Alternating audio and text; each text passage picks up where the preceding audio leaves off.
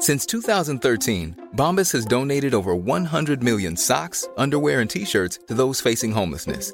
If we counted those on air, this ad would last over 1,157 days. But if we counted the time it takes to make a donation possible, it would take just a few clicks. Because every time you make a purchase, Bombas donates an item to someone who needs it. Go to bombas.com slash ACAST and use code ACAST for 20% off your first purchase. That's bombas.com slash ACAST, code ACAST. Hey, it's Ryan Reynolds, and I'm here with Keith, co star of my upcoming film, If, only in theaters, May 17th. Do you want to tell people the big news? All right, I'll do it. Sign up now and you'll get unlimited for $15 a month in six months of Paramount Plus Essential Plan on us. Mintmobile.com slash switch. Upfront payment of $45 equivalent to $15 per month. Unlimited over 40 gigabytes per month. Face lower speeds. Videos at 480p. Active Mint customers by 531.24 get six months of Paramount Plus Essential Plan. Auto renews after six months. Offer ends May 31st, 2024. Separate Paramount Plus registration required. Terms and conditions apply if rated PG. Hvis du gjorde noe dumt for ti år siden og havna i avisa med fullt navn, kan du i dag kreve at redaktøren anonymiserer eller sletter den gamle artikkelen? Mediene er fulle av flom, evakueringer og kode rød. Er det for mye, eller er det akkurat nå journalistene fyller sitt samfunnsoppdrag? Det lurer vi på i dag. Den første episoden etter ferien. Juhu! Det er godt å være her igjen. Ja, det er det. Eller si det er godt var- å se deg, men det har jeg gjort uh, allerede en stund. Ja, men uh, det som er uh, annerledes, er jo den der eh, som jeg elsker, den sykkelturen om morgenen når vi skal på opptak. For da har jeg alltid sånn samtale med deg i hodet mitt. Ja. For å tenke liksom, hva skal jeg snakke med Svein Tore om? Det er veldig koselig, egentlig. Ja, for det er jo sånn Vi forbereder jo dette i dagene før og, og snakker Ja, det er vel en Ja, overdrivelse. Vi tenker på det og bestemmer oss for saker, men akkurat når vi liksom rett før vi kommer til studio, så, så tenker vi ganske mye på det, liksom. Hvordan eh, Ja, hva skal vi Har du tenkt på noe? Og da kommer du alltid opp med et eller annet å tenke på, så da spør jeg deg rett ut Hva er det du har tenkt på? Eller så vil du si litt om sommeren først? Ja, det var egentlig det jeg endte opp med å tenke Ja. på. At uh, Svein Tore kommer sikkert til å spørre hvordan har sommeren vært. Hvordan har altså, sommeren vært, Eva? Du, det vil jeg si har vært uh, Hva skal jeg si, da? Helt på det jevne. Helt på det jevne. Sånn terningkast fire, helt OK. Eh, For første gang i mitt liv så har jeg vært i, hatt norgessommer. Jeg pleier egentlig alltid å reise. Jeg har Mm. liksom gjort det i hele mitt liv. Eh, Så det har vært hytter og fjell og mye hjemme og sånn, og det er egentlig helt topp, det. Altså, du liker jo fjellet og skogen og havet og Ja. ja. og Oslo er jo herlig, Mm. egentlig, når det er litt rolig. Jeg likte jo Oslo under pandemien. så det er Sånn Oslo skulle vært. det er litt sånn det er i sommerferien. Ja. Men uh, Bortsett fra at restaurantene er åpne. Mm. Men det som uh, kanskje sitter igjen eh, hos meg som etterlatt inntrykk av sommeren 2023, er bæring inn og ut av hageputer. Ja. Fordi det begynner å regne. ja. Og det ble jeg så drittlei at jeg til slutt ikke gadd å sitte i hagen. Omtrent. Ja, Eller på terrassen. Fordi jeg har ikke sånn overbygd terrasse. Det må jeg skaffe meg. Men det er en annen løsning på det. For det, det fins nå puter som tåler absolutt alt mulig vær. Som du ikke trenger å ta inn og ut om sommeren. Kanskje ikke det været som er nå, men ja. Ja. Mm, jeg ser poenget. Jeg, jeg har nok vært litt lei av å bære inn og ut av bil. For vi har hatt uh, familieferie som var kjempefin med Ja. ungene og, og samboeren og jeg som reiste litt rundt omkring. Inn og ut av hytter, Airbnb, litt sånn forskjellig. Mm. Men det å når du, Jeg er veldig glad i å pakke bil.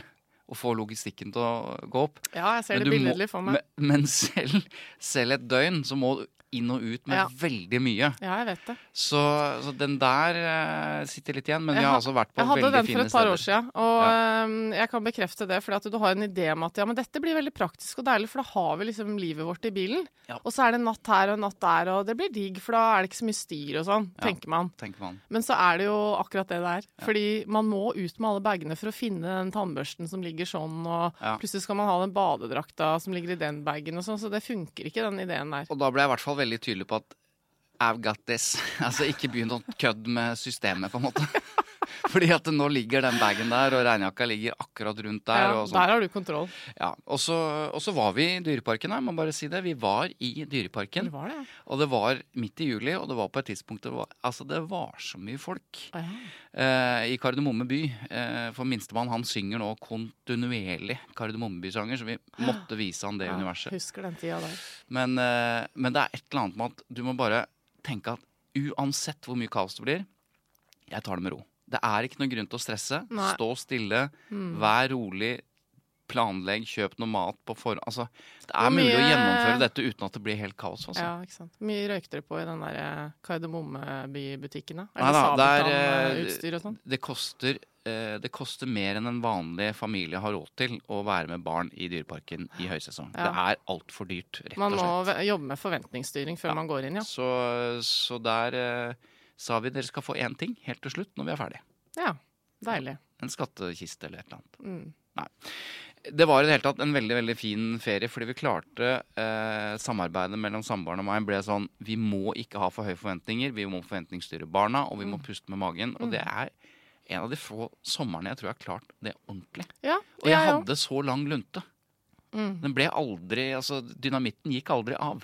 Mm. Jeg bare var helt rolig. Altså Gratulerer. Ja, tusen takk. Eh, Dette går jo bare Dette får jo fine Konsekvensene er jo at barna blir mye lettere å ha med å gjøre. Ja, for de får ikke kjeft.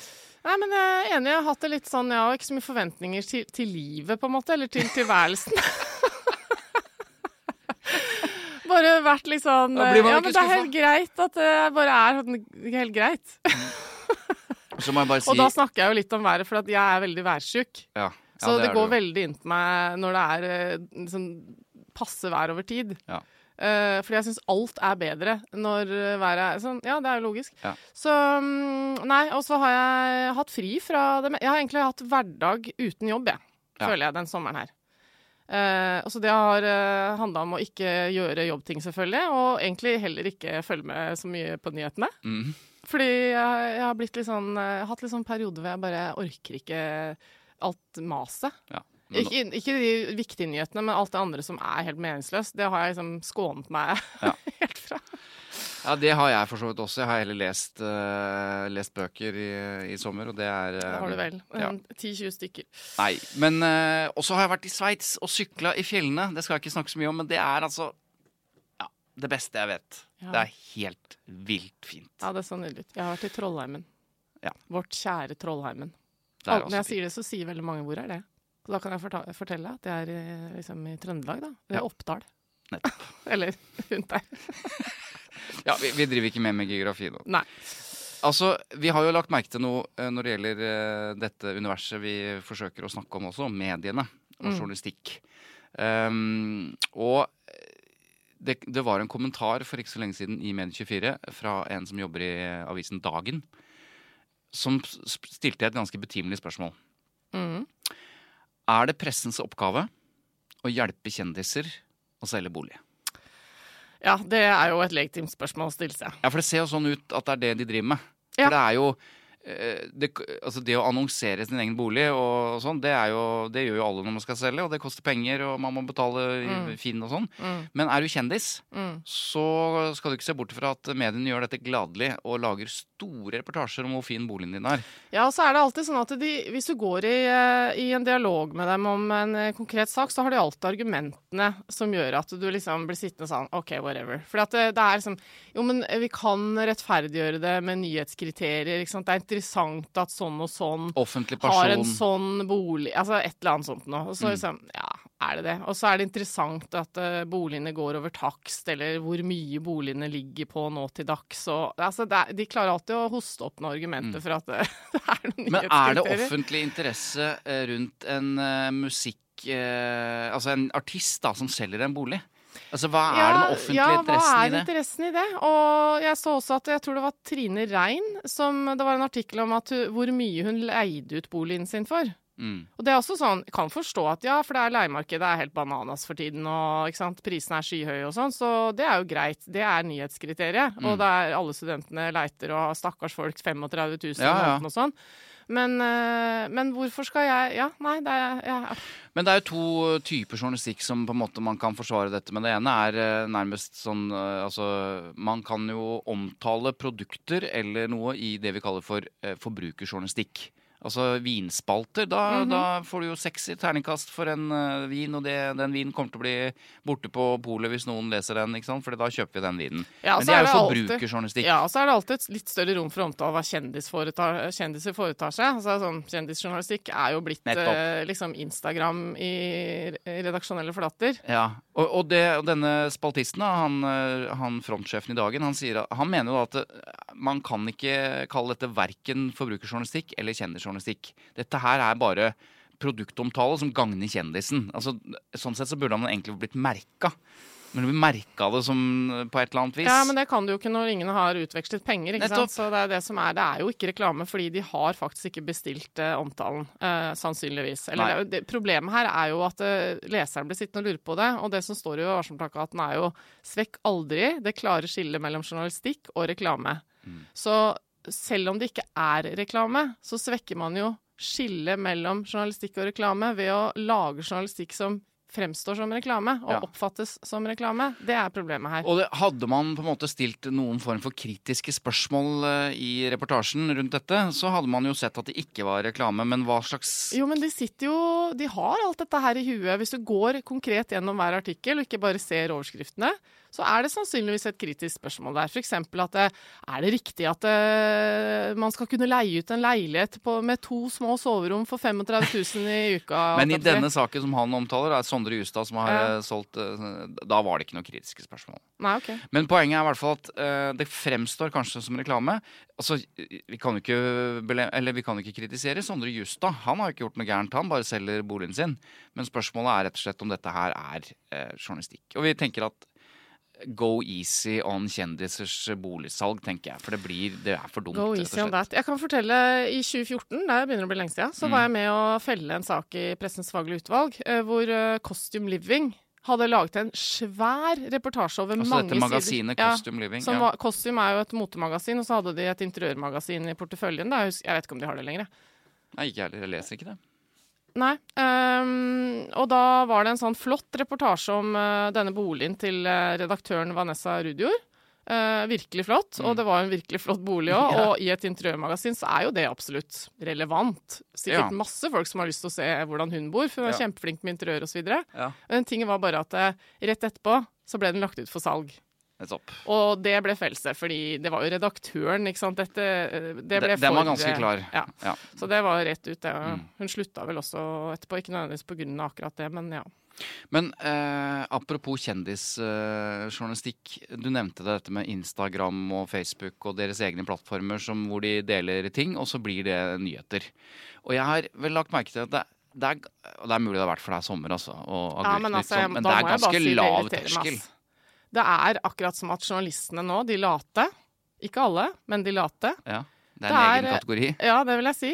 Eh, Eller eh, det er ikke nødvendigvis kategori mennesker, men kategori jobb Ja, innenfor ja, bransjen, som har som oppgave å saumfare Instagram for kjendisers oppdateringer, og Mm. se hva som liksom har et visst nyhetskriterium Ja. innenfor de rare greiene vi snakket om akkurat nå. Og i sommer så var det sånn jeg tror det var på VG. Eh, Dag Otto Lauritzen, er det det han heter? Dag Otto Lauritzen. Eh, I sorg. Ja. Og så sånn åh, Skal jeg klikke? Jeg blir liksom for nysgjerrig. Hva er dette for noe? Og så Faren er død. Han har sikkert lagt Eller ut moren, tror jeg det Nei, jeg tror det var faren, faktisk. Var det, var det faren? Ja. Eh, og sånn som jeg forsto det, eh, så var det selvfølgelig alltid trist når noen, eh, noen, noen dør, men det var et alderdomsdødsfall, på en måte. Ja. Eh, og så er det sånn Ja, er det en nyhet i VG? At uh, noen mister faren sin sånn helt vanlig. Det var ikke noe dramatisk, sånn som jeg forsto det. Nei, du klikket på det? Ja, men det var litt på grunn av at vi driver denne podkasten. At At ja, jeg bare ble sånn Nei, men alvorlig talt, liksom. Ja, nei, uh, hva er en nyhet? Altså, hva er terskelen for hva Men, for, nå, det er veldig interessant at du stilte det spørsmålet, for det er jo det som er problemet her. mm.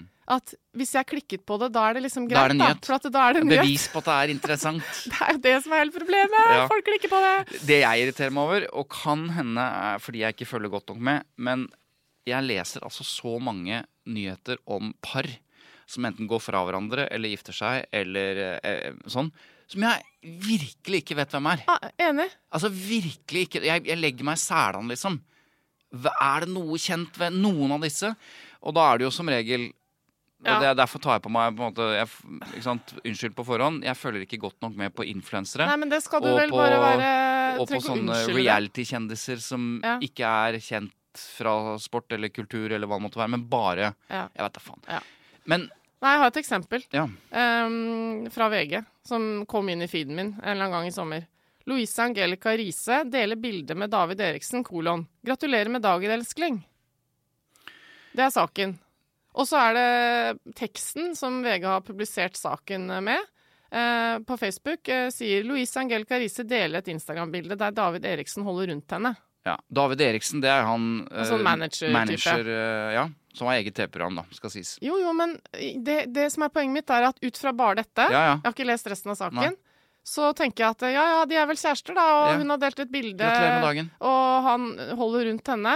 Og så kan jeg mistenke at kanskje ikke det var kjent at de var kjærester, da, at det er det som er saken. Men det driter jeg i, hvis du skjønner hva jeg mener. Altså, Det er okay. jo ikke en sak for VG, er det det? Ja, det mener VG, da. Jeg skjønner. Jeg, vi, der er vi litt uh, enige. ja, vi er det, ja. Kan jeg kanskje legge til en, ting- en ting som har irritert meg eh, da jeg så dette? Altså, eh, vi kommer til å snakke om værdekningen seinere. Mhm. Men bare som et slags eh, oppspark til det. Så så jeg det var eh, noen hun, le, nye lederen i Rødt Mm. og en annen, husker ikke hvem det var, som var sånn typ, sånn som Erna Solberg har blitt kritisert for sånn, og dette er jo bare et bergensvær eller noe sånt. Det var et eller annet sånn 'slutt å syte', dere i sør. Det var Kirsti Bergstø, SV-lederen også. nettopp. Og det var en slags, skjønte jeg, en reaksjon på at Bård Hoksrud hadde sagt noe. Men poenget er at både Bård Hoksrud og disse to andre politikerne hadde blitt intervjuet av Dagbladet i en sånn humoristisk tone før ekstremværet hans slo til. Så blir dette publisert i Dagbladet Mm. på en mandag. Ja, en stund etter at nye, uh, intervjuet var gjort, ikke Nettopp. sant? Mm. Mens ekstremværet pågår, og alle er redd for uh, nå, nå er det virkelig alvor, liksom. Mm. Så blir dette uh, publisert uten, sånn som jeg forstår det, en presisering om at dette er gjort, intervjuet er gjort før. Har ikke noe med hans å gjøre. Det er gjort før, Mm. i en humoristisk tone. På toppen av det hele så laget Dagbladet en lederartikkel dagen etter, Mm. der de fillerister disse politikerne fordi de liksom tar for lett på dette. Så først så lager Dagbladet et intervju som er humoristisk og lettbeint, mange dager før uværet, publiserer det midt i kriseuværet og lager en lederartikkel dagen etter om at dette må dere ikke gjøre. Det er jo helt Mathias. Det er helt galt, Mathias. Og det reagerte hun Marie Sneve Martinussen på. Veldig, så de har laget, og flere har reagert på dette. Så har da Dagbladet eh, laget inn en presisering om at når dette intervjuet ble gjort, at det ikke ble gjort midt i hans osv. Men de forsvarer Lars Helle, som eh, er sjefredaktør i eh, Nei, han er eh, Lars Helle er Han er jo ikke sjefredaktør, for det er Frode Hansen. Hjelp meg nå. Lars Helle. Politisk redaktør. Ja, han, ja, han, for, han forsvarer liksom hovedpoenget eh, eh, i eh, lederen, som handler om at ja, Nå har jeg glemt hva det handler om, men at man, ikke, at man må ta klima på alvor. da. Man kan ikke fjase med det. Mm. Men det er jo hele poenget hva Dagbladets fjasing og det intervjuet var. Og dette har fått flere politikere til å si at hvis det er sånn at eh, tulleintervjuer eller humoristisk at vi skal kunne liksom by litt mer på å være litt uh, hatten på snei Vi kan jo ikke gjøre det hvis det blir tatt fullstendig ut av sin sammenheng og presentert som noe annet på et annet tidspunkt, og så dermed fillerist. Altså, Da gidder jo ikke politikere å være annet enn kjedelig, da.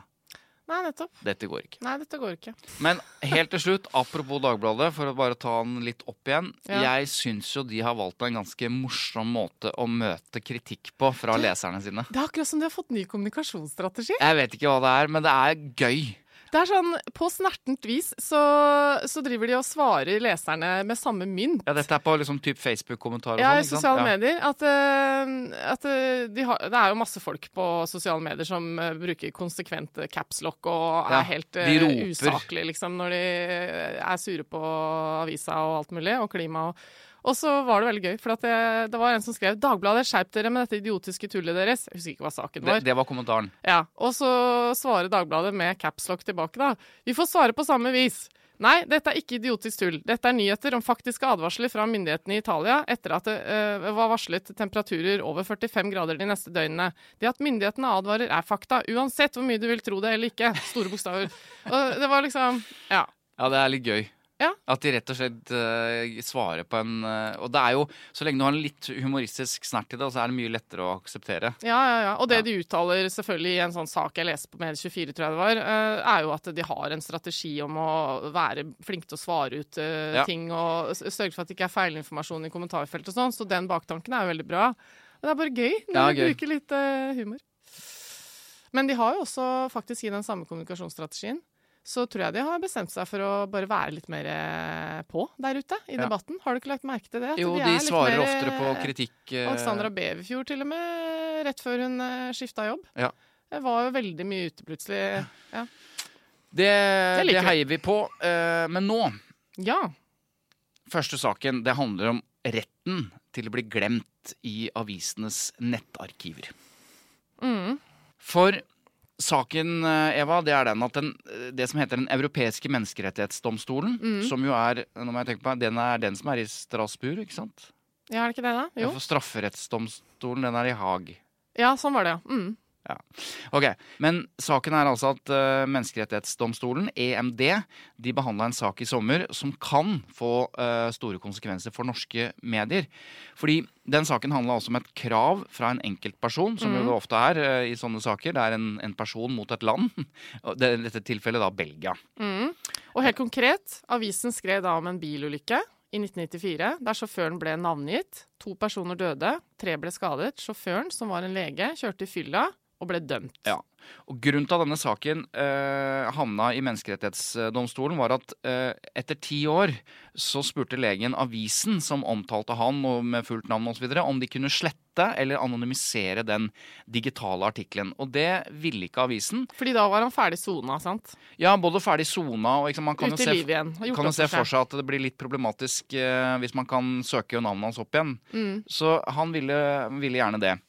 Det nekta avisen for, eh, og så eh, gikk det, til domstolen, og en belgisk domstol de påla redaktøren å anonymisere nettartikkelen. Ja. Og så havna han Kunne det skjedd i Norge? eh, Det skal vi finne ut av. Det er det vi Eh, skal finne ut av. det skal vi blant annet finne ut av. Men i hvert fall så, så, så havna saken eh, etter at eh, eller avisen ble mm, liksom pålagt å anonymisere, så havna han da i EMD. Og der er jo spørsmålet om den dommen er en krenkelse av avisens rett til ytring og pressefrihet etter EMKs artikkel 10. Ikke sant? Fordi den står jo veldig høyt. menneskerettsdomstol Ja, sin artikkel, artikkel 10. 10. Mm. Henger, henger alle med nå? Kan, kan alle bekrefte at de henger med? Ja. Jeg er med. Ja. Og selv om da eh, EMD understreka eh, liksom pressens viktige demokratiske funksjon, og, og at det også er kjempeviktig med sånne historiske nettarkiv, så slo de altså fast at EMKs artikkel 8 også inneholder en rett til å bli glemt. Det er jo det som handler om personvern, ikke sant? Mm. Eh, og det betyr at man kan pålegge aviser eller, å anonymisere eller redusere tilgjengeligheten av eldre artikler. Dette er så interessant. Ja, for det er jo Dette er mitt favorittema. Nettopp. Det er en klassisk liksom, ytringsfrihet på den ene siden, Ja, mot personvern, på den andre siden. Det er eh, det mest eh, kompliserte dilemmaet i presseetikken, sånn Ja. som jeg ser det. Hvis jeg skulle eh, tatt en ph.d., Ja, skrevet en masteroppgave, så skulle det vært om akkurat dette. Men i, i kjølvannet dette, vi vet jo ikke hvordan de har vurdert det. Jeg i hvert fall lurer på liksom, hvordan har de vurdert dette? Eh, hva skal til for at en artikkel eh, ifølge Menneskerettighetsdomstolen bør slettes eller anonymiseres? Mm. Eh, har vi en lov i Norge som gjør at du kan kreve dette? Eh, eller må nordmenn eh, til Menneskerettighetsdomstolen også for å fremme slike krav, da? Dette vet vi jo ikke. Altså, her må vi ha profesjonell hjelp, rett og slett. Derfor så ringer vi da Jon Wessel Aas. Han er jo advokat og en av de aller fremste ekspertene på dette området når det gjelder medierett osv. Ja, til deg som hører på, det er han du alltid ser eh, hvis det er mediesaker og juss det er snakk om. Veldig ofte. han ser du da i avisenes Ja. spalter eh, som mediejussekspert. Vi ringer opp. Mm. Jon Wessel Aas, velkommen til Tut og Mediekjør. Hei, takk for det. Du, ja, la oss gå rett på. Har vi noe lovgivning i Norge eh, som gjør at vi kan dra f.eks. VG til domstolen hvis de ikke vil slette eller anonymisere gamle artikler? Nei, det, det har vi ikke. Det, er ikke noe, det står ikke noe sted i noen lovbestemmelse at det er noe domstolene kan eh, pålegge medier å gjøre.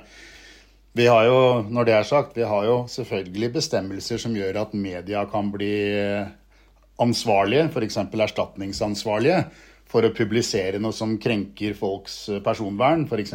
skriver urettmessig om privatlivet deres, eller eller publiserer usanne beskyldninger om dem, såkalte ærekrenkelser. Altså, så det er ikke sånn at presten er uansvarlig. Men da, da vil en dom gå ut på at her uh, har dere publisert noe som uh, var urettmessig, og dere må betale oppreisningserstatning til vedkommende, f.eks. Men det står ikke noe sted at man kan ha dom for at pressen skal slette artikler eller redigere artikler. Men hva gjør jeg da, uh, hvis jeg mener at det ødelegger livet mitt, at det ligger gamle artikler med mitt navn på når jeg har starta et nytt uh, liv, og dette ja, er til hinder for livet mitt og jobben min og alt mulig sånn. Hva, hva gjør jeg da? Hva kan jeg kreve da? Ja, altså Vi snakker jo i dag på bakgrunn av, av det vet jeg jo da jeg ble invitert, denne nye dommen fra Menneskerettsdomstolen. Ja. Og det som, er, det som, jeg tror er litt viktig for, for de som lytter nå, er da snakker vi først og fremst om artikler som var lovlige mm. da de ble publisert. Altså, og som for så vidt er lovlige. Eh, det kan være, og det er mye lovlig som kan publiseres om folk som likevel er belastende. Ja, og også innenfor eh, presseetikken altså, også. Ja, ja. Altså, har du begått et drap og blitt dømt for det, så må du tåle at det blir omtalt, og osv., videre Og, og har du stått frem selv og fortalt om kanskje litt sensitive ting om privatlivet ditt, men helt frivillig en gang, Eh, så kan jo det selvfølgelig også være belastende noen år senere når du tenker at eh, det var kanskje ikke så lurt av meg å være så åpen og ærlig, nå er livet mitt blitt annerledes. Ja. ja, så vi snakker da, bare for å være helt tydelig, om en identifisering som på publiseringstidspunktet var legitim. Etter Nettopp. eh, etiske regler. Nettopp. Ja. Det tror jeg er litt viktig å tenke på her. Så Vi snakker ikke om artikler som i seg selv er ulovlige. Vi snakker bare om at dette var lovlig å publisere en gang. og ikke sant, i ja, Det blir så gamle dager nå at det nesten eh, er så gammelt at for mange lyttere er det helt meningsløst. Men mm. i sin tid, da vi bare hadde papiraviser, ja, så sto det der da. Og så, så ble det glemt ved at det ble brent som opptenning på peisen på mm. hytter ja. og, og, hjem og kasta. Og et TV-program, det gikk der og da, og så var det borte. Kanskje ja. ble sendt i reprise en gang. Nå har vi jo nettarkiver og har hatt det i 30 år. Og det er der utfordringen har ligget. da. Mm. At ting på en måte ikke, ikke, Det ble jo aldri borte før heller. Du kan alltid gå på Nasjonalarkivet og finne fram gamle avisartikler fra 100 år siden hvis du er veldig interessert. ja, Men det er dette med det er på nettet, ikke sant? Og, og at, du, at, du, søker på navnet på en person på Google for å finne ut hvem er denne personen egentlig, og så får du sånne treff fra 20 år tilbake om alt mulig rart, for en saks skyld. ja. Og så må vi jo bare legge til da, ja. dette du, var, du sa i innledningen, Svein Tore, at uh, vi omtaler pressen som historiens kladdebok. Mm. Og bare sånn at vi har med den konteksten at eh, mediefolk, altså eh, pressefolk, er jo veldig opptatt av nettopp det at det, det skal veldig mye til å endre noe som de har publisert. fordi at det er liksom Ja, det er, det er historien ja. Eh, vår, da. Men OK, så med utgangspunkt i denne dommen, eh, og så vet vi Du sier at det fins ikke noe lovhjemmel eller noe lovverk i Norge som gjør at vi kan kreve å få slettet i utgangspunktet legitime artikler. Men hvilke konsekvenser kan dette få for norske medier, denne, denne avgjørelsen i sommer? Jo, da skal jeg prøve å gjøre det enkelt. Denne avgjørelsen kommer jo fra det som dere har fortalt som heter Den europeiske menneskerettsdomstolen. Eh, den håndhever den europeiske menneskerettskonvensjonen, som Norge er forpliktet etter, og, og ca. 48 andre eh, storeuropaland, for å si det sånn, altså også utenfor EU. Um, og som bl.a. inneholder altså rettigheter vi kjenner igjen fra Grunnloven. da. Mm. Ytringsfrihet er beskyttet der, og, og, personvern, som dere har vært inne på. Norge er forpliktet etter den konvensjonen. Uh, og den, har, den, gjelder som norsk lov, for så vidt. Men den forplikter staten. Så i denne saken uh, mot Belgia så fikk Belgia uh, ikke en smekk. Mm. det gjorde de ikke, men det Menneskerettsdomstolen bekreftet, var at individer kan, har et krav på at det i, i den enkelte staten er mulig for domstolene, der hvor de vilkårene er oppfylt, å pålegge et medium å gjøre en gammel artikkel mindre tilgjengelig da, på et eller annet nivå. Anonymisere eller osv. Det kommer vi tilbake til. Mm. Og da er problemet i Norge at uh, den dagen et sånt tilfelle dukker opp i Norge nå, så er mitt syn at da vil Norge egentlig ha en forpliktelse til å hjelpe den personen ved at domstolene har mulighet til å gjøre dette. Men for å pålegge, gjøre et inngrep i, i, i pressefriheten, så kreves det lovhjemmel.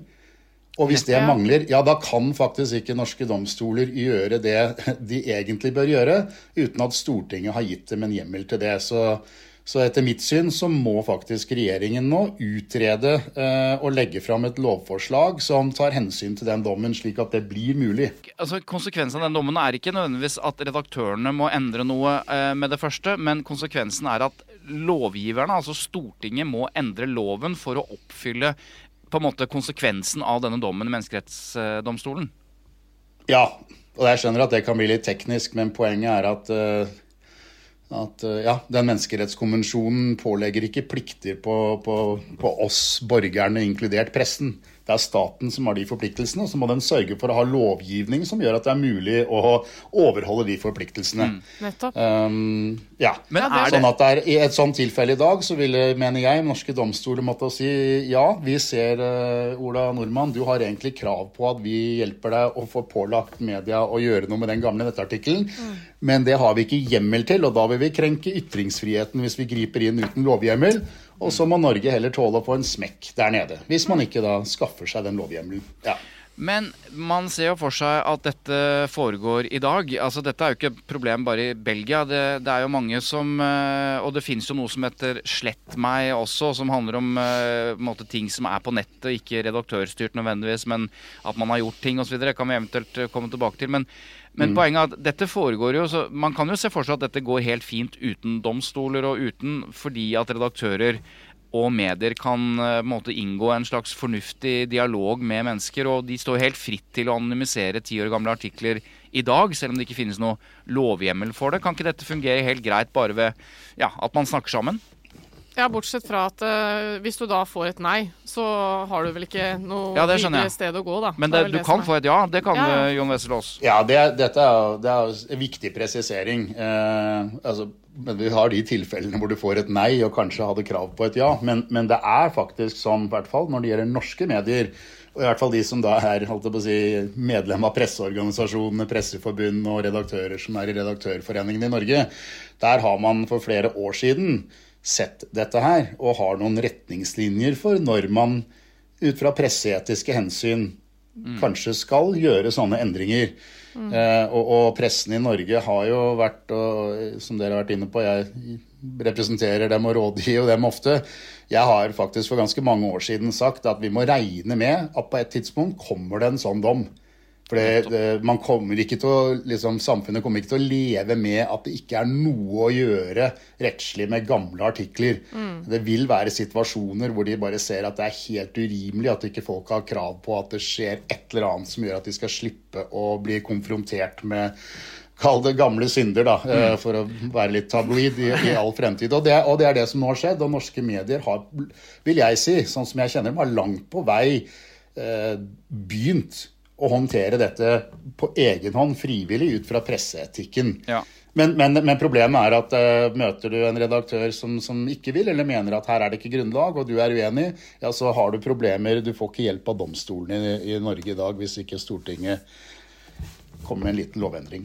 Kanskje vi bare tar det til slutt, eh, Jon Wesselås. Altså, eh, de må jo vurdere dette. Ut fra hvilke kriterier er det La oss høre liksom først Menneskerettsdomstolen la til grunn. Altså, for det er jo ikke sånn at hvilken som helst person med hvilken som helst gammel sak kan få anonymisert. Det må jo være noe til grunn. Hva er det viktigste på en måte kriteriene som de la til grunn for at de faktisk mente at dette var riktig? Ja, de har, de har eh, laget en liten si, smørbrødliste med sånne momenter man skal legge vekt på. da. Og, og ingen av dem alene. ikke sant? Dette blir jo sånn helhetsvurderingen. Men og det, altså det dreier seg om hva slags innhold er det snakk om. Altså hva slags omtale er det snakk om. Og det kan jo være alt mulig. Mm. sant? Det kan være et intervju med deg som 15-åring på 17. mai om har du, hvor mange is har du spist i dag, eh, til eh, omtale av at du har gjort noe straffbart en gang i, i fortiden. Det tidsmomentet, altså hvor lang tid har det gått siden det forholdet og omtalen var publisert? Eh, hvilken eh, offentlig interesse har det at den informasjonen er tilgjengelig i den formen i dag? Ja, ikke sant? For Eh, det kan det kan- være forskjell på eh, offentlig interesse den gangen og i dag. Absolutt, det kan det være. Eh, og, og, og den kan avta veldig, ikke sant. Eh, men igjen eh, så har du liksom personens offentlige rolle. Altså hva slags person er det? Er det en helt vanlig privatperson, eller er det en person med en, en, en eller annen rolle i offentligheten? Og ikke minst, hvordan har vedkommende opptrådt i ettertid? Altså, Er det en person som har søkt offentligheten gang på gang i ettertid? Er det en person som har begått f.eks. kritikkverdige forhold eller straffbare etterpå også? Eller ikke? Eh, og så er det graden av tilgjengelighet, bare så vi tar med det også. Eh, fordi det Er det et søk unna, liksom? Ja, altså i dag har du jo alt fra at det er helt åpent tilgjengelig, det er ikke noe innlogging, det er eh, fullt eh, søkbart via søkemotorer.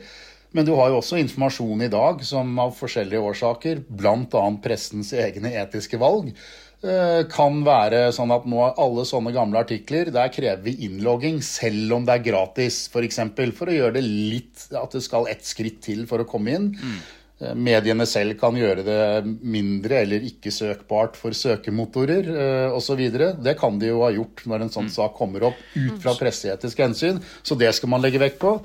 Og så til slutt så skal man legge vekt på hvilke negative konsekvenser har det at det ligger fullt offentlig og søkbart for den det gjelder, oppimot opp imot konsekvensene for pressefriheten ved å pålegge dem å redigere, da, for å si det sånn. Og da kan man jo forstå at akkurat den saken som, vi, som Eva eh, fortalte om, en lege Ja. som kjører fylla, eh, fører til eh, sant, at noen blir drept og, og sånn, det er jo en alvorlig sak. Han er ikke en offentlig person i så henseende. Og man kan se for seg at ti år etter, hvis det er lett tilgjengelig, så kan det skape store problemer for denne legen som kanskje ikke har søkt offentlighetens lys etterpå. og Så, videre. det er en, Og den virker ganske klassisk innenfor disse rammene, da, kan man tenke. Og at redaktøren sannsynligvis, ser man for seg, vil forstå det mer. Mens det som kanskje er mer sånn tvilstilfeller, er folk som rett og slett har gjort noe de angrer på. Som de syns er litt flaut. Eh, driti seg ut eller stått fram med et eller annet som de bare Hva er det jeg holdt på med? Eller vært med i Big Brother, eller eh, eh, Altså sånne ting som liksom man kan forstå at det er irriterende når du har blitt voksen, men som Men store pressen sannsynligvis er vil det, si ja. Du må nesten Ja, altså stå for Sånne det gode eksempler, selv om de kanskje ikke gjelder for uh, hvermannsen. Men det er jo en La oss si det er en, en, en som er heroinavhengig på et tids for 20 år siden, men lar seg intervjue av Dagsrevyen eller noe for å fortelle hvor vanskelig det er å være i Oslo og, og, fordi det er ulovlig og osv. osv. Det er sånt vi ser. Så kan det ha gått 20 år, og de er helt fri, de har et nytt liv og familie. Ja, kanskje, kanskje det er greit å anonymisere dem da, selv om de sto frem frivillig den gangen og brettet ut ganske sensitive opplysninger om seg selv. Mm. Ja da, Så det er, det er mange situasjoner her. Um, men jeg, jeg syns det er viktig at den dommen sier at her i utgangspunktet i sånne vurderinger skal man legge veldig stor vekt på verdien av den kollektive hukommelsen som ligger i pressens arkiver, og at ting, alt henger sammen med alt. At, at eh, nåtiden må kunne lenkes opp til fortiden osv. Så videre, sånn at det, det skal sitte det, De sier at det skal sitte langt inne. De bruker jo ikke det uttrykket, for de formulerer seg på engelsk. Men altså, det skal være strictly necessary uh, å pålegge en redigering. It, skal, av it, have to sit long inside, som de sier på engelsk. It has to sit long inside before you do it. Ja, nettopp. Du, Jon Westerås, tusen takk for uh, oppklaringene og, og at du har forklart dette for oss. Og for så vidt for de politikerne som sitter og hører på oss i dag. Fordi eh, det bør tas et grep her. Eh, det mener i hvert fall Jon Wesselås. At vi må forberede en lovendring for at vi skal helt tatt kunne oppfylle det som eh, EMD nå har bestemt. Takk skal du ha. Ha det godt. Hei, hei. Det er alltid greit å snakke med folk som har greie på det. Ikke sant? Selv om du stort sett har greie på ting, du òg. Ja, men uh, juss, det Jeg skulle jo egentlig bli advokat. Ja. Jeg, jeg var så opptatt av det at eh, kjæresten min jeg hadde på gymnaset, hun skrev brev til meg bare sånn advokat Bergestuen, så, for jeg hadde sagt så tydelig at det var det jeg skulle bli. OK, gøy. Det, det ble jeg aldri. Men du, eh, vi trenger å høre litt hvordan pressen forholder seg til dette. Hvor Ja. går egentlig grensen eh, for dem vanligvis? Altså når, når en redaktør blir kontaktet La oss si at jeg ringte og sa et eller annet sånn idiotisk om at eh, jeg, er- jeg er litt lei av at det, står eh, masse greier om hva jeg holdt på med for 20 år siden nede i Mm. Spania, liksom. Fordi jeg syns det er litt slitsomt, og det går utover min eh, Ikke sant, et eller annet sånt noe. Mm. Så, Så, ta vekk Eva Sandum og bare skrive en jente fra østkanten. ja, for eksempel. Eller sånn, kan dere ikke bare slette de artiklene? Ja, altså, ja. Alle skjønner at Hva det kommer ikke til å skje. Nei. Eh, for det, det er min feil at jeg eh, surra meg borti noe sånt nå. Og så veldig mange tilsvarende ting som folk kan føle at liksom hadde vært litt digg hvis ikke absolutt alle bare kunne gjøre et kjapt søk, og så bare Å ja, der var henne, det, ja. Men Jon var inne på hvordan eh, pressen Han hadde et godt inntrykk av hvordan dette blir behandlet i pressen i dag. Ja. Men vi kan jo spørre. Ja, La oss ringe Reidun Kjelling Nybø, som er leder i Redaktørforeningen. Fordi hun skal jo da ha ganske god oversikt over eh, hvordan folk tenker Ja, rundt ja, og det var jo det, det er jo en eh, veiledning her også, som Wessel Aas snakket om, så la oss bare høre hvordan Ja. dette her er. Ja, hei Reidun. Hei. Veldig bra at du hadde tid til å snakke med oss i, i Tut og Medkjør. Hva er eh, redaktørenes eh, holdning i Norge til eh, henvendelser som kommer fra folk som eh, har ganske god grunn til å ønske uh, det, det artikler om seg eh, usøkbare, da? Ja, eh, Vårt inntrykk er jo at dette tar redaktørene på alvor. Vi får veldig mange sånne spørsmål. Eh, jeg har svart på et par sånne spørsmål bare denne uka. Ja. Eh, og, og, og det virker også som om det er et økende antall henvendelser til norske redaksjoner om eh, denne type spørsmål. At folk eh, er blitt mer opptatt av hvorvidt saker fra tidligere dukker opp på søk, f.eks. Og, og er opptatt av personvern. Det skal veldig mye til før man sletter en, en sak helt. Det det kan by på mange utfordringer å, å fjerne saker helt. Eh, Da må det være helt spesielle situasjoner med vesentlig feil i saken. Eh, Men eh, da er det enklere å tilby i noen tilfeller da anonymisering og, og eventuelt avindeksering. Altså at, at saken ikke dukker opp på søk. Avindeksering, da betyr det at den fins der, men hvis jeg søker på navnet, så får jeg den ikke opp i et Google-søk? Ja, nettopp. Ja. Så du sletter ikke det, det historiske arkivet av artikler? Nei. Eh, og det vil si at eh, hadde jeg gått inn på Nasjonalbiblioteket og søkt tilbake, så finnes den jo fortsatt der. Ja, ja, ja. Eh, det gjør den jo. ikke sant? Og det vil jo være eh, på, på lik linje med hvis noe er publisert i ei papiravis. Det vil jo finnes et arkiv eh, eh, alltid, uansett.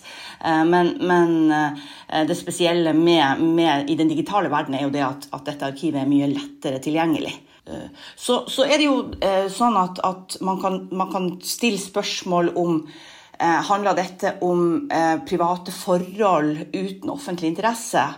Eh, er saken veldig belastende for, for eh, de personene det handler om?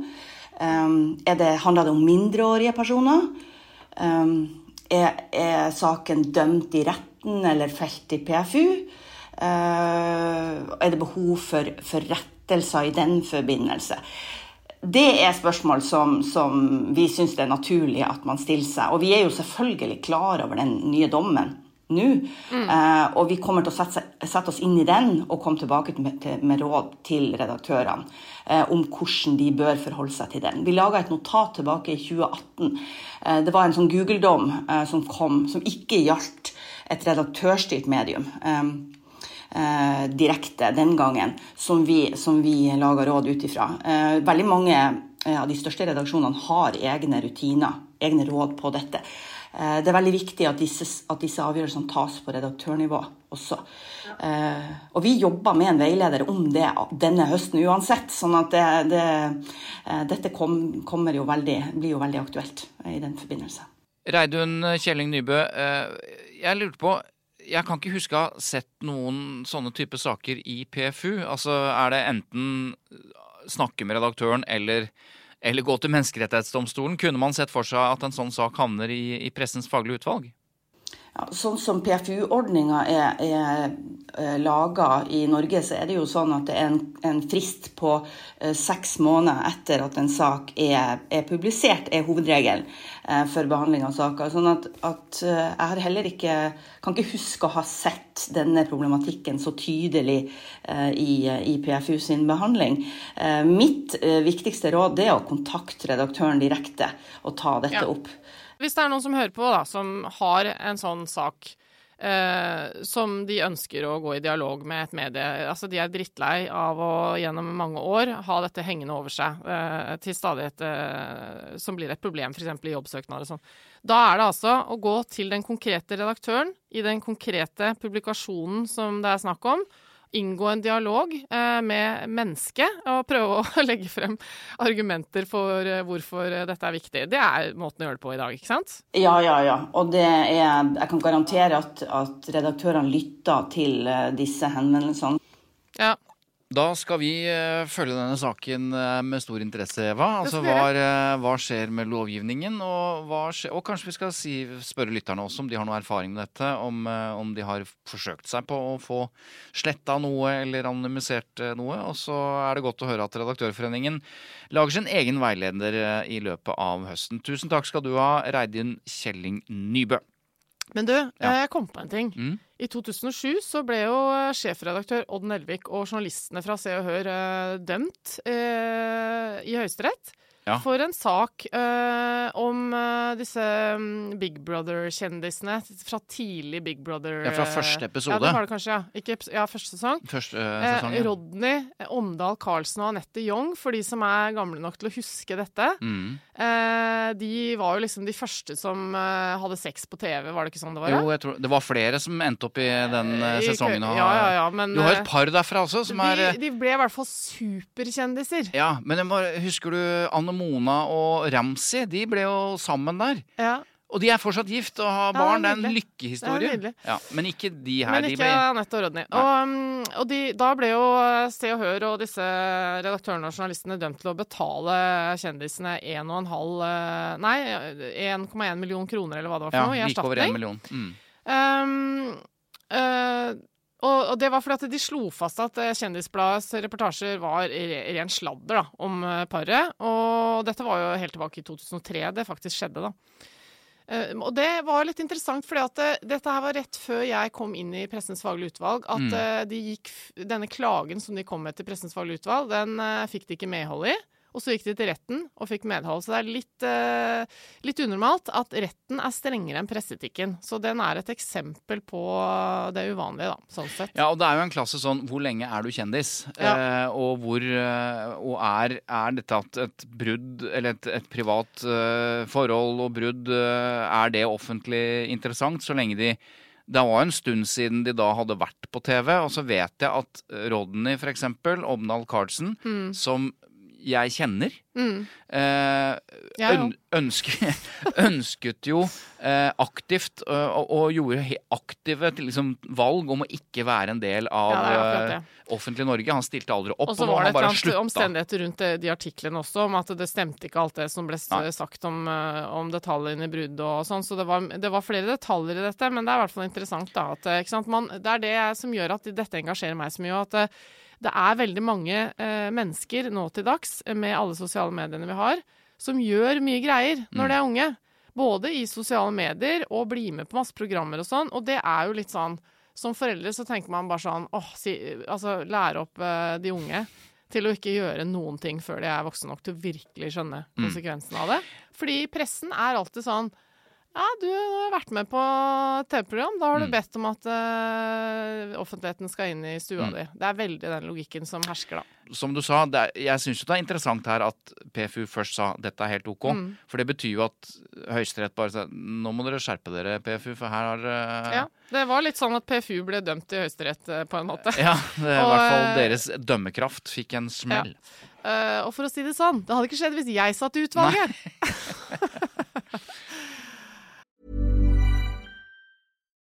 Since 2013, Bombas has donated over 100 million socks, underwear, and t shirts to those facing homelessness. If we counted those on air, this ad would last over 1,157 days. But if we counted the time it takes to make a donation possible, it would take just a few clicks. Because every time you make a purchase, Bombas donates an item to someone who needs it. Go to bombas.com slash ACAST and use code ACAST for 20% off your first purchase. That's bombas.com slash ACAST, code ACAST. Hiring for your small business? If you're not looking for professionals on LinkedIn, you're looking in the wrong place. That's like looking for your car keys in a fish tank. LinkedIn helps you hire professionals you can't find anywhere else, even those who aren't actively searching for a new job but might be open to the perfect role. In a given month, over 70% of LinkedIn users don't even visit other leading job sites. So start looking in the right place. With LinkedIn, you can hire professionals like a professional. Post your free job on linkedin.com slash achieve today. Men Eva, det som mediene har vært mest opptatt av uh, denne uka, og de siste ukene egentlig, og dagene, det er jo ekstremværet. Hans. Hans. Hva syns du om Hans? Har han stått i forventningene, eller har han brusa med fjæra i kjent Hans-stil? og med en gang du legger an en litt uh, artig tone der, så får jeg litt vondt i magen. Fordi Ja. at uh, dette været, uh, og dette dramatiske været, har fått store konsekvenser Ja. for store deler av Norges befolkning. Og her ligger litt av, av det vi har snakket opp på kontoret. Fordi det er sånn Ja, som du sa, har det vært overdrevet? Og i så fall har det vært overdrevet fra myndighetenes side? Er det vært overdrevet mediedekning? For det var litt diskusjon i starten, eh, da det kom noen regnbyger i Oslo og lurte på hvor ble det av været. Det er det, ikke sant? For den holdningen har nok preget eh, oss i Oslo-gryta litt vel mye. Mm. Fordi det var så mye varsler. Og så i tillegg så kom det jo et nødvarsel fra DSB, ikke sant. Denne, denne signalen, eh, Ja, som kan bryte inn på telefonen på telefonen ja. og sånn, som, eh, som det ble mye snakk om, som veldig mange fikk. Og ikke alle, og ingen skjønte hvorfor noen og ikke og sånn. Mm. Men eh, vi satt jo da innafor ring, ring 2 og følte at eh, dette blei veldig haussa opp. Og så skjedde det ikke noe. Vi så liksom for oss eh, dommedag, nærmest. Nå på Så- slutten av uka så holder oss se Dagsrevyen, eh, og så ser vi at dette har altså enorme konsekvenser. Det, det, det er veier som raser ut, det er jordras, det er evakuering av tusenvis av mennesker. Det er ting vi aldri Jeg er snart 50 år, jeg har aldri sett, opplevd dette. Jeg husker godt flommen i storflommen i 95. Eh, da Lågen, Gudbrandsdalslågen gikk over sine bredder osv. Dette er mye mer omfattende, det er mye mer alvorlig, og det er helt ekstremt. Ja. Det tror jeg vi bare kan Ja, slå er, eh, fast. det er veldig rart, fordi når man ser bildene på nyhetssendingene, så, så minner det jo om ting man ser, men eh, med et skuldertrekk vanligvis, fordi det er så langt vekke, da, ikke sant. Men Ja, dette er jo land, ting vi ser fra Indonesia, eller fra India, eller Ja. Fra et eller annet sted langt borte. Sånne biler som står i, nesten helt under vann, og, Mm. folk som eh, har tatt, eh, sitter og ror på, på båter eh, i gata si og sånn. Så ja. En som ble redda ut av uh, skuffa på en gravemaskin, liksom. Måtte gå helt- Altså måtte krabbe ut av bilen sin for å sette seg opp i skuffa på gravemaskinen fordi, for å komme seg unna. Altså det er ja, nei, det er eh, men, men spørsmålet i starten, og for så vidt nå, er sånn hvordan er dekningen av eh, denne, mm, denne katastrofen, eller ekstremværet? Og da, hvis jeg skal svare på det, så her kjenner jeg igjen tida som journalist. Altså når sånne ting skjer, Mm. Så går journalister eh, og reportere eh, utegående eh, i front og søker hele tiden de mest ekstreme eh, stedene. Og, og personlige historier. personlige historier for å dekke dette på Mm. en grundig måte. Og, og her, her er det liksom ikke så mye kritisk Vi er ikke i fasen med kritiske, kritisk journalistikk. Den kommer nok etterpå på beredskap om vi gjorde ting riktig, men nå er det rett og slett å dekke. Altså det er selve Mm. informasjonsbehovet til befolkningen er ekstremt stort. Og jeg synes at, eh, i hvert fall det jeg har sett, så syns jeg journalistene både i, i omfang og i, eh, i selve dekningen eh, oppfyller samfunnsoppdraget sitt og gjør akkurat det som vi håper at journalister og, og medier skal gjøre. Ja, det er jo nyhetene først og fremst. Det de skal gjøre, er jo å fortelle om det som skjer. Ja. Og når dette skjer, så er det jo et ø, viktig informasjonsbehov, som du sier. Eh, Jeg tror vi må huske på at det, det var, har vært litt faser gjennom de siste dagene denne uka. For det begynte på mandag med veldig mye sånn 'nå kommer det informasjon'. Mm. Eh, og som du sier, folk rykket ut, og da var det en periode det var mye sånne reportasjer hvor de ikke hadde kommet i gang. Hvor de liksom, da satt man litt med følelsen av at det, nå blir det haussa opp. Ja. Og hvis det da ikke hadde blitt så ille andre steder eh, heller, sånn som vi opplevde det i Oslo, så hadde man jo kunnet sittet her nå og si at det er typisk media. Overdrevet. Eh, De skal bare ha meg inn på VG eller på TV 2-nyhetene hele tida, og de bare så, så skjer ingenting. Så, så problemet her er jo at eh, de som satt litt med den følelsen, og, og også uttalte seg om det, ble liksom, eh, det ble litt sånn flaut nesten eh, et par dager etterpå, når vi nå ser at det, det ble det alvoret. Ja. Bare ikke akkurat eh, kanskje der hvor alle var. Og så er det jo forskjell her på de tradisjonelle beskyldningene om opphaussing i media. Forskjellen her er jo at de som primært har ikke haussa opp, men har snakket om kode rød og advarsler og ekstremt, det er jo myndighetene. Ja, det er akkurat det. For noen ganger så får jo media litt sånn ufortjent kritikk når de bare forteller om eh, det myndighetene Ja. ja. hauser opp, da, eh, Ja. hvis man kan kalle det det. Det, det er virkelig viktig. De bare, de bare informerer. Og så har det jo vært eh, litt diskusjon rundt eh, Vi var jo inne på det i starten med at man, mediene har, eller Dagbladet tok ting ut av sin sammenheng eh, når man siterte politikere som at må ikke syte på været. Men jeg så jo Erna Solberg også hadde en uttalelse om at det var liksom, dette var liksom september i Bergen. Altså tok den litt humoristiske tonen. tonen. Nå skal jeg ta forbehold om at jeg vet ikke helt når hun sa det. Nei, ikke sant? Men, men jeg tror alvoret virkelig har, har sunket inn. Jeg så, Man er jo opptatt av sine egne hjemsteder. Jeg er jo fra Jevnaker. Der var det drone- og helikopterbilder fordi en vei som har vært der siden 1700-tallet er borte, liksom. Eh, eller at eh, 1600 mennesker i Hønefoss er evakuert og kjørt inn på Klekken hotell. Altså det er, det er virkelig eh, Ja, dramatisk. og vi, og, og det er godt å vite at uh, mediene virkelig legger seg nå i selene for å dekke dette på en god måte. Også fordi folk trenger hjelp eh, når de er ramma, da. Eh, Hvor skal jeg henvende meg? Altså, blir Mm. dette dekket av forsikringen? Eh, Hva gjør vi? Kommer jeg meg ut av hytta? Ikke sant? Ja, jeg skal vi- på jobb, og jeg skal på reise. Altså, de trenger informasjon om bare helt sånn praktiske ting om den og den broen eller den og den jernbanen og så og videre. Og da var det jo et verk med Dagsrevyen i går eller foregårs hvor nettopp forsikringsselskapet, eller et, et forsikringsselskap kommer inn og sier ja, dette er det vi kaller naturskade. Mm. Det som kommer fra himmelen og ødelegger huset ditt, eh, eller som følge av vannet, det er dekket av forsikringen. Ja. Og bare sånne opplysninger er veldig deilig å få. Bare ok, greit. Men det som blir interessant, og som mediene også må følge på etter hvert, det er jo at diskusjonen rundt dette klimaet er jo Du får jo diskusjoner i kommentarfeltet fordi at det er jo åpenbart for de fleste at dette her er som en følge av klimaendringene. at, eh, Men diskusjonen liksom Jo, men er det, er det klimaendringer menneskeskapt eller er det ikke? Altså, den, den diskusjonen foregår jo.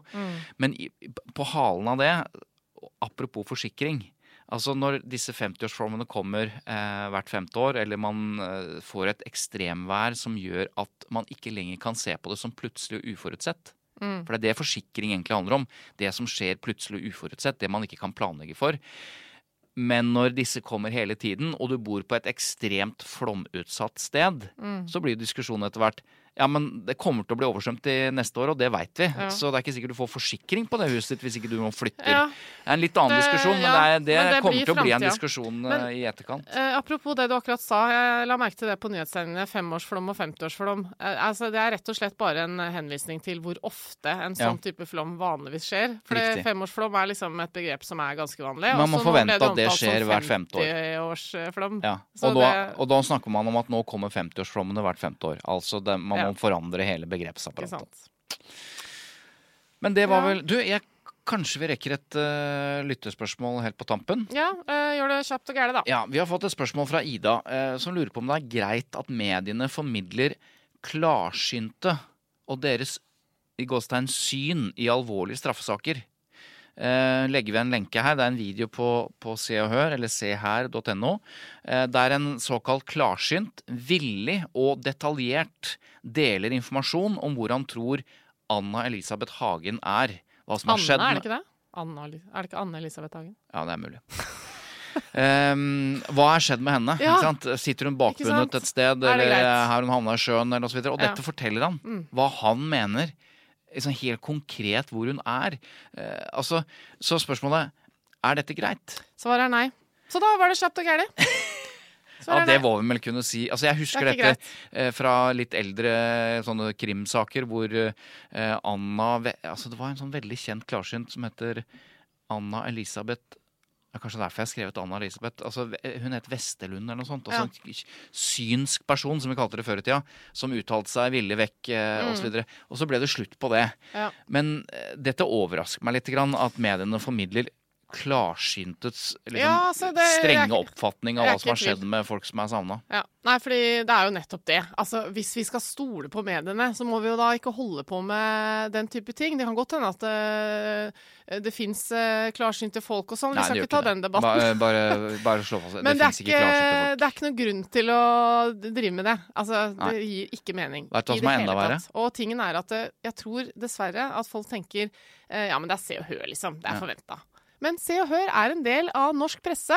eh, En del av eh, Norsk redaktørforening og inn under eh, Pressens faglige utvalgordning osv. Vi må ikke ringe Ulf uh, i redaktøren Nei, Det må vi ikke finne på, for da hadde han klart å svare bra for seg. Det er helt sikker på. Så hadde vi endra mening. For han er ganske flink til å argumentere for det som Men vet du hva som er enda verre enn at Se og Hør formidler klarsyntes detaljerte beskrivelser av et mulig dødt menneske? Det er at politiet har også ved noen anledninger brukt klarsynte. Mm. Eller har spurt klarsynte. De har liksom henvendt seg til politiet, og så har de liksom Ja, Ja, det er, det er kanskje hakket verre. mm, det vil jeg si. De som er klarsynte, vet i hvert fall at det er en stor mulighet for at vi er tilbake neste uke, for nå har vi starta opp igjen. Men eh, ja, vi kan se. Det hadde vært morsomt å spørre de ti mest kjente klarsynte i Norge eh, om å spå hvordan det blir. Hvordan neste sending, Om det helt tatt blir noen neste sending. Ja, det, Jeg tror ti av ti sier at det blir det. OK. Og da er vi enige i det. Mm, det er jeg ikke så sikker på, for at vi er i Arendal. Er vi, det er jo Arendalsuka, ja. Det er det det er. Ja, Da lar vi det bli opp til de klarsynte. Da får, de, da får dere Ja. får ringe klarsynte. Ja. Det, kanskje, Ja. kanskje ikke. Ikke sant. Så vi tar det som det kommer, sånn som vi pleier. Vi har eh, spilt inn første episode av høstsesongen i Tut og Mediekjør, og det er fordi denne eller det gjøres mulig av uh, Lyder Produksjoner, som produserer det. Mhm. Og fordi Eva Sandum møtte, møtte i studio. Og fordi Svein Tore Bergstuen møtte i studio, og fordi uh, vi tar uh, samfunnsoppdraget vårt på alvor. Virkelig. Ja. Og vi har fått hjelp eh, i dag av eh, fagfolk også til å forklare kompliserte ting, så da, da har vi i hvert fall gjort eh, ukas dont. Så takk til Jon Wessel Aas og Reidun Kjelling Nybø, og takk til alle dere som hører på, og takk til verden og i det hele tatt. Og til eh, mediene for at de følger og- ekstremværet. Ja. Takk for nå. Takk for nå.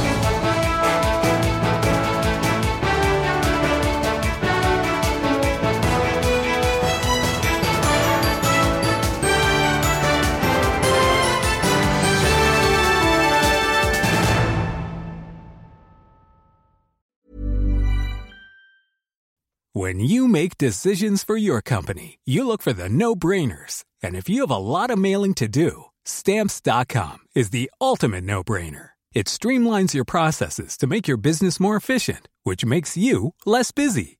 Mail checks, invoices, legal documents, and everything you need to keep your business running with stamps.com. Seamlessly connect with every major marketplace and shopping cart. Schedule package pickups and see your cheapest and fastest shipping options from different carriers. With rates up to 89% off USPS and UPS rates. And with the Stamps.com mobile app, you can take care of mailing and shipping wherever you are. Make the same no brainer decision as over 1 million other businesses with Stamps.com. Sign up with Code PROGRAM for a four week trial, plus free postage and a free digital scale. No long term commitments or contracts. That's Stamps.com. Code PROGRAM.